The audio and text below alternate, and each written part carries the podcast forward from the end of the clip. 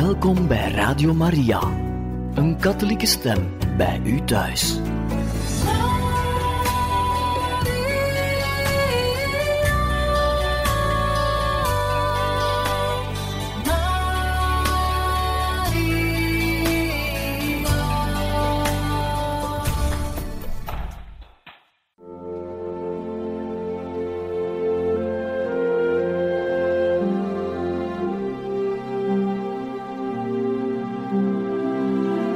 Beste luisteraars van Radio Maria, welkom bij het programma Catechismus.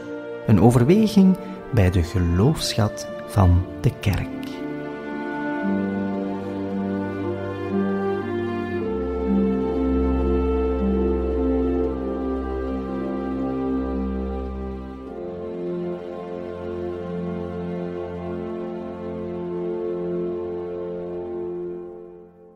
Vandaag kan u, beste luisteraars, in het programma Catechismus verder luisteren naar de catechese-reeks gebracht door priester Michel Esparza, waarin hij het heeft over liefde en zelfrespect. Dit is ook de titel van een boek dat hij geschreven heeft over hoe Gods liefde al onze andere liefdes kan zuiveren en ons tot waar geluk kan leiden. Beste luisteraars, hier priester Michel Esparza. Uh, in de bespreking van, van het boek Liefde en uh, zelfrespect. Um, in de vorige zesde aflevering hebben we het gehad over die manifestaties van de liefde van God voor ons. De mens, zegt Benedictus XVI, is God zoveel waard dat hij zelf mens geworden is om met de mens te kunnen meeleiden reëel in Christus bloed, zoals ons getoond wordt in het lijdensverhaal van, van Jezus. Van daaruit is alle, is alle menselijke lijden iemand binnengetreden die mij leidt, meedraagt, in alle tijden en van daaruit de consolatio, de troost van de meelijdende liefde van God aanwezig en daarmee is de ster van de hoop opgegaan.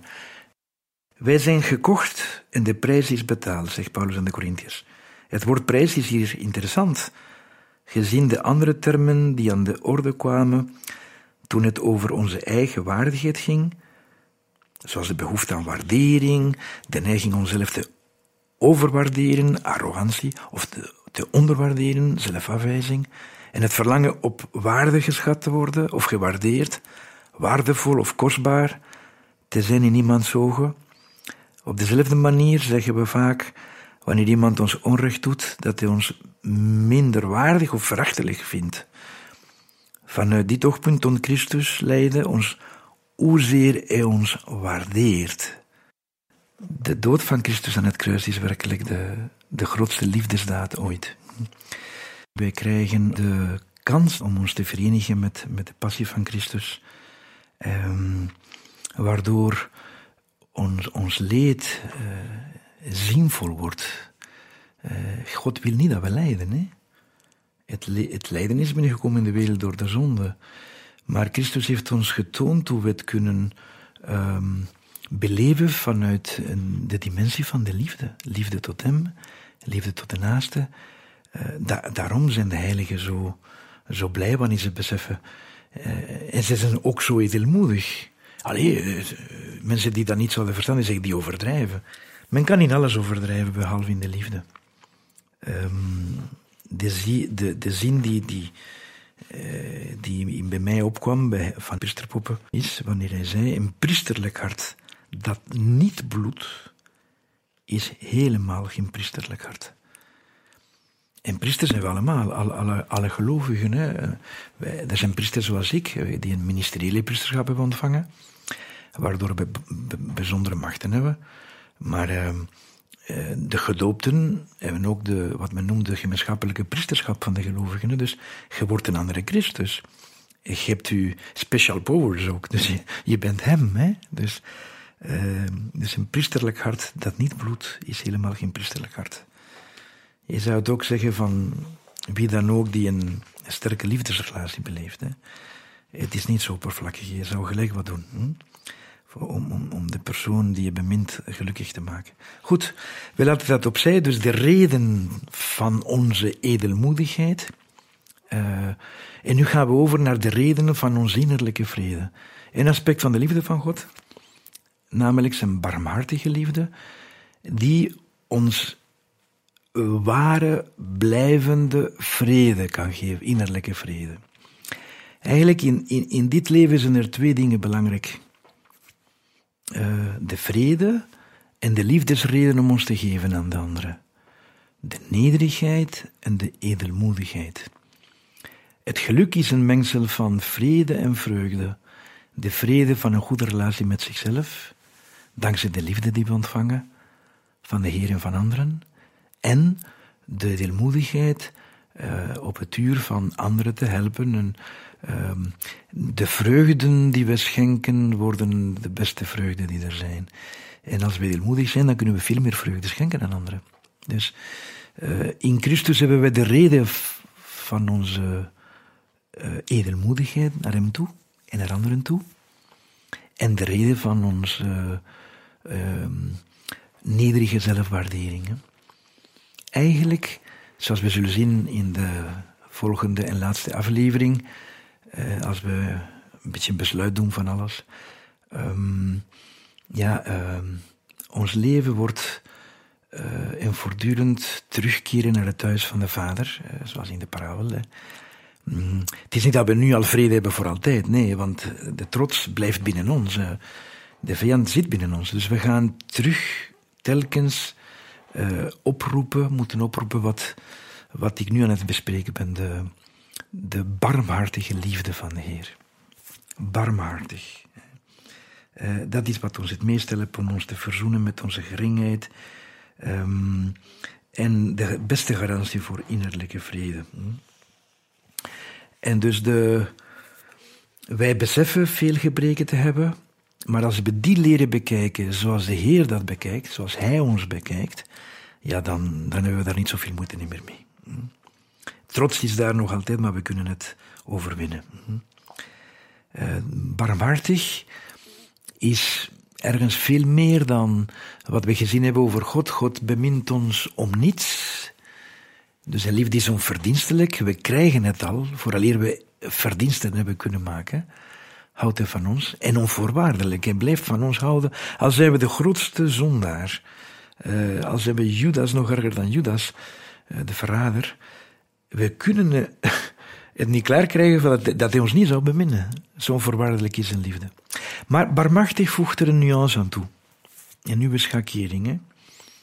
Namelijk iets moederlijks.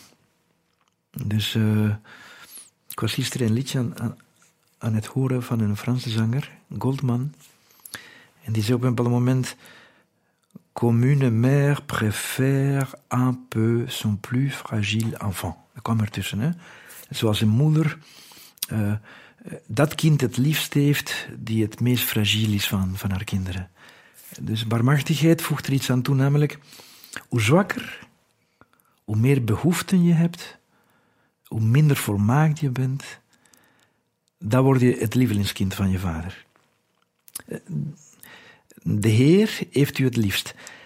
De Heer die geen aanschijn van personen doet, die ons allemaal evenveel bemint, oneindig, en ook via een menselijk hart in Jezus. Eh, niet oneindig, want zoals een mens kan beminnen, ten volle. Hè. En toch is er een, een zekere voorkeur uh, voor uh, hen die, die het moeilijker hebben. Hoe zwakker, zou je bijna kunnen zeggen, hoe beter. Niet dat, dat hij graag heeft dat we zwak zijn. Nee, het is, het is, het is de uh, sommigen we zijn zwakker dan anderen. En, uh, en oké, in het begin hebben we daar problemen mee gehad. En daarna hebben we gedacht, maar dat is fantastisch. Uh, naar hem toe heb ik een groot voordeel. Goed, dat is barmhartigheid. in de Bijbel wordt meer dan 300 keer gesproken over God als meelevend en barmhartig. Hè. Mm. En, en, dat betekent dus dat, God is zoals een moeder. De heilige Jozef Maria die schreef heel, heel straf. Zelfs als ik lepra zou hebben, melatsheid, zou mijn moeder me nog omhelzen. Zonder aarzeling of vrees zou ze mijn wonden kussen. Eh, het woord barmhartigheid in, in, in het Hebreeuws, eh, in het Oude Testament, gebruikt men het woord rahanim, rahamim.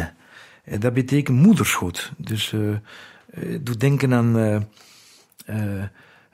in Latijnse talen zegt men lesantgaie, de, de ingewanden. Dus het is hetgeen God als het ware het diepste in zijn hart draagt. Hè. De, het, is, het is een... Um, en dat zien we ook in Jezus. Jezus mm, openbaart ons op ons niveau alles uh, van God. Dus dat wat in God oneindig is, zien we het plastisch uitgedrukt door Christus. Uh, bij het zien van die menigte mensen werd Jezus door medelijden bewogen, vertelt Matthäus ons bijvoorbeeld, omdat ze afgetopt neerlagen als schapen zonder herder. Medelijden, compatire, meevoelen, met de pijn van de naaste, maar ook met zijn vreugden uh, meevoelen. In het Latijns is het altijd condoleren, compatire. Het heeft altijd met, met, met meelijden te maken, maar het is breder. Het is, wanneer wij in de mis bijvoorbeeld zeggen, Heer, ontferm je over ons, dat klinkt een beetje vernederend voor ons, maar, maar als we het goed doorhebben, zijn wij man zeggen, voel met mij mee. Want misericordia, zoals men zegt in het Latijn, dat komt van miserium, van cor, hart. Uh, iemand is barmhartig wanneer hij jouw miserie in zijn eigen hart draagt. En daarom gaat hij zijn best doen om, om jou te helpen uh, om die miserie op te lossen. Daarom wordt gezegd dat uh, wanneer God mens werd, dat was uit medelijden, uit meevoelen. Hij zag af met onze miserie en hij komt het oplossen. En dat doet hij. Hè? Dus um, dat is barmhartigheid. Nog een kleine pauze en we, we gaan door.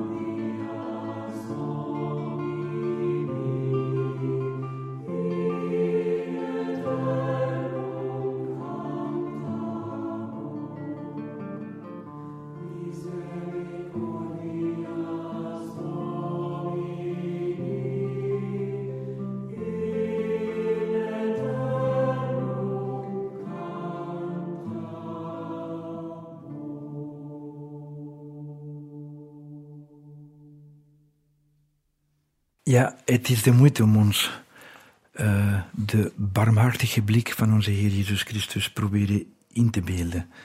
Als we die passages uit het evangelie uh, overwegen, dan...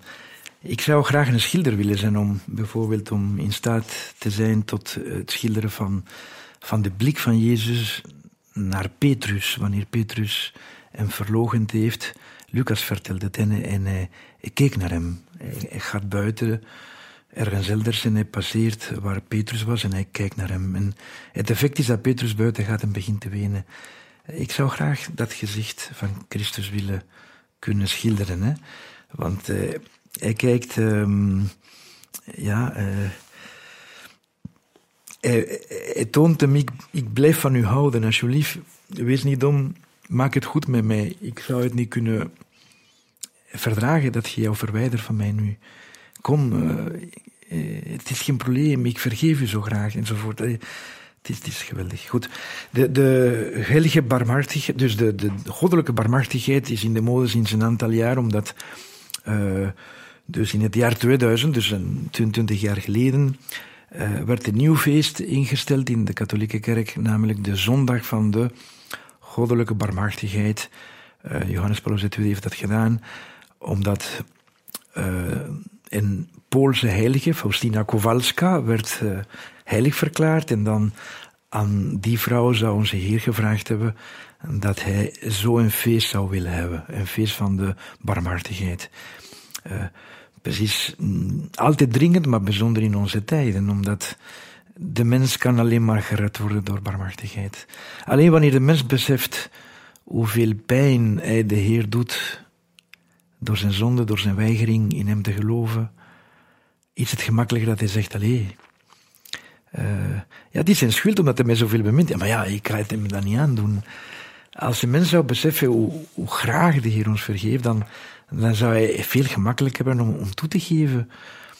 Resistance to change zou overwonnen worden. Ik wil veranderen, ik wil bekennen wat ik niet goed doe. Dan kan ik pas, pas aan mijn leven beginnen te werken in de waarheid en niet, niet meer van alles wijs te maken. Hè.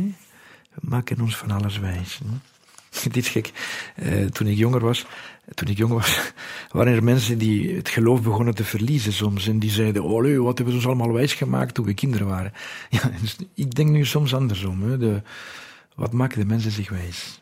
Wat maken, wij ons van alles wijs? Goed, uh, ik sprak dus over de heilige Faustina Kowalska.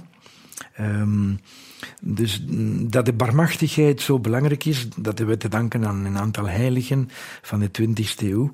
Um, of van het einde van de 19e eeuw, te beginnen met Teresa van Lisieux. Uh, uh, de weldaden, die, die, die jonge heilige die maar op 24 jaar is overleden, uh, aan, de, aan de katholieken heeft gedaan, is ongelooflijk. Uh, er was een tijd van Jansenisme, van rigiditeit gedurende eeuwen. En, en, ze was zo eenvoudig en ze zei, uh, de Heer is, is zo gelukkig mij te vergeven. ik moet proberen gewoon de kleine dingetjes van iedere dag zo goed mogelijk doen om een plezier te doen. Het was zo, wie er van Lisieux gelezen heeft, die is meteen, enfin, soms niet direct meteen, maar toch, als je daar diep op ingaat, was hij zo eenvoudig en zo, zo schattig eh, betoverd er. Maar vooral omwille van wat ze beleefde, de, die nederigheid op zo'n aangename manier. En wel ook uh, Therese uh, Faustina Kowalska, die ook jong overleden is, met 34 jaar, uh, die, aan die zou onze Heer gezegd hebben van dat feest in te richten. Daarom uh, de heilige Faustina werd op 30 april 2000 heilig verklaard en op diezelfde dag bepaalde Johannes Paulus II dat de kerk overeenkomstig het verlangen dat Christus aan Faustina kenbaar had gemaakt, elke tweede zondag van Pasen het feest van de goddelijke barmhartigheid zou vieren. Uh, die devotie bestaat in drie dingen. Uh, de verspreiding van de devotie voor de barmhartige liefde, wat ik op dit moment aan het doen ben. Uh, dus ons best doet opdat al onze dierbaren dat kennen. Hè. Um, ten tweede, het gebed voor mensen die bekering nodig hebben, zondaars. En ten derde, uh, de barmhartigheid beleven, wij zelf, jegens onze naasten. Hè. Leren vergeven, niet straf zijn in ons oordelen. Niet oordelen. We kunnen niemand oordelen, maar we hebben nooit alle gegevens. Maar, maar als we duidelijke feiten zien die, die negatief zijn, dan uh, probeer te interpreteren op de, alsof wij de moeder waren van die persoon. Hè? Een goede moeder. En een groot onderscheid maken tussen de zonde en de zondaar, zoals hij hier doet. Met andere woorden, uh, ik ken dit stukje over de heilige Faustina met um, een van de, de dingen die de Heer haar zou gezegd hebben. Hè. Zonden van gebrek aan vertrouwen treffen mij het pijnlijkste. Faustina, die ons ook, die ons ook voorbeeld geeft van die vereniging met het kruis. Uh, aan die heiligen vertelde Heer dingen die zeer intiem zijn. Hè. Er is een intimiteit onder hen. En gelukkig kunnen we daarvan proeven daarna. Als de Heer toelaat dat, dat ze die dingen schrijven. Hè. Faustina was zeer bewust van de pijn van de Heer. Wat we uh, daar juist in het begin van deze aflevering hebben gezegd. Hè. Op een bepaalde dag zei de Heer tegen haar: Mag ik in je hart rusten? Want ik ben nu buiten gezet geweest van een aantal harten. Op een andere dag liet, liet de Heer haar de, de, de gezeling zien van twintig jaar geleden en ze was zo geschokt.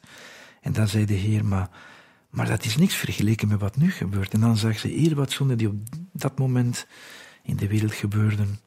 En dan was ze nog meer geschokt. En de Heer zei tegen haar, ik zie dat het u raakt. Dat troost mij. Het is hard voor u, maar troost jou door mij te troosten. Dat zijn... Goed. Maar om dit hoofdstuk te, te eindigen, uh, wou ik het hebben over hoezeer de relatie met onszelf totaal verandert wanneer wij uh, die barmhartige liefde beleven. Um, die innerlijke vrede is dan veel gemakkelijker. We leven als kinderen eigenlijk. Kinderen die een groot vertrouwen hebben in de liefde van hun ouders en die dus het leven op een speelse manier beleven. Hè. Um, wij maken daar geen misbruik van. Uh, non irridetur deus met God speelt men niet. Er is een heilig ontzag nog altijd. Hij is, hij is wie hij is. Hij is de, oneindige, maar, de, maar ook oneindig kwetsbaar naar ons toe. Uh, dus wij, wij vragen hem zo graag vergiffenis, omdat wij hem daardoor zo gelukkig maken. Dus als we echt van hem houden, dan, dan kan onze trots gemakkelijk overwonnen worden. En gaan biechten is een groot feest. want onder andere omdat wij de Heer zo gelukkig maken. Ik zeg, ik zeg dikwijls tegen de mensen die komen biechten, nadat ze hun zonden hebben verteld, ik zei, we gaan dat nu inpakken in, in, in, uh, in cadeaupapier. Uh, als cadeau aan de Heer. Uh, de vreugde die aan de Heer schenkt, na hem vergiffenis gevraagd te hebben, is minstens zo groot als al de pijn die je hem veroorzaakt hebt door je zonde. En ik denk zelfs dat de vreugde nog groter is. Oké, wel, dat dat maakt dat, uh, ja, dat we kunnen omgaan met ellende en grootheid. Hè. Uh, uh, we zien onze zwakke kanten, maar tegelijkertijd, uh, de Heer bemint ons zoveel. En dan kunnen we dat evenwicht vinden. De geleerde van Lisieux zei, ik ben een, klein, een hele kleine ziel, maar die overstelpt wordt door Gods genade. Het is eigenlijk Maria hè, die, die dat het eerst beleefd heeft. Ehm, zo'n waardigheidsverklaring. Alle geslachten zullen me zalig prijzen. Maar, um, maar waarom? Omdat, omdat de Heer niemand anders gevonden heeft die geringer was dan ikzelf. Hm? Dus um, de, de helft van het geluk is verzekerd. De innerlijke vrede. Niet, niet voor goed. Ik bedoel, ik heb het al gezegd, het is een voortdurend terugkomen naar het huis van de Vader. Wanneer we heel dicht bij Hem zijn, wanneer we zijn blik, uh, die voortdurend op ons gericht is, want liefde is aandacht in een welbepaalde richting, liefde is aandacht. De Heer is voortdurend met ons bezig. Hij kijkt ieder van ons. Um, als wij dat niet uit het oog verliezen, ja, dan worden we zoals kinderen, probleemloos. Uh, zodra wij dat uh, vergeten en uh, ja, dan beginnen we ons eerder te bekijken met ons eigen ogen. Ja, Theo heeft het, het woord en dan, ja, dan voelen we als, we waren in zo'n fantastische lucht en nu komen we in een, in een, in een, in een slechte lucht, we, we ademen niet goed. Het is goed dat we ergens de trots nog blijven hebben, want dat maakt dat we ons niet goed voelen als we niet dicht bij hem zijn. Dus onze fout herinneren ons eraan dat, en daarmee eindig ik, dat we zouden moeten proberen onszelf te bekijken met de ogen van de Heer. Ik las eens een soort zin die zei: In geen spiegel kom je zo goed uit, uh, zo schoon uit. In, in, geen spiegel kom je zo goed uit als in de spiegel van de ogen van de persoon die je het meest bemint. Dus we zouden dagelijks moeten proberen ons te bekijken in die spiegel van de Heer. En dan gaat alles goed.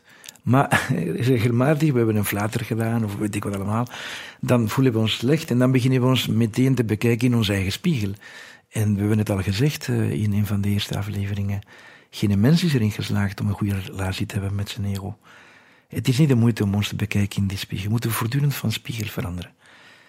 Wel, ik, ik vraag nu op dit moment de Heer hulp om voor ons allemaal, voor u beste luisteraars, om, om telkens in de goede spiegel te kijken. Dag.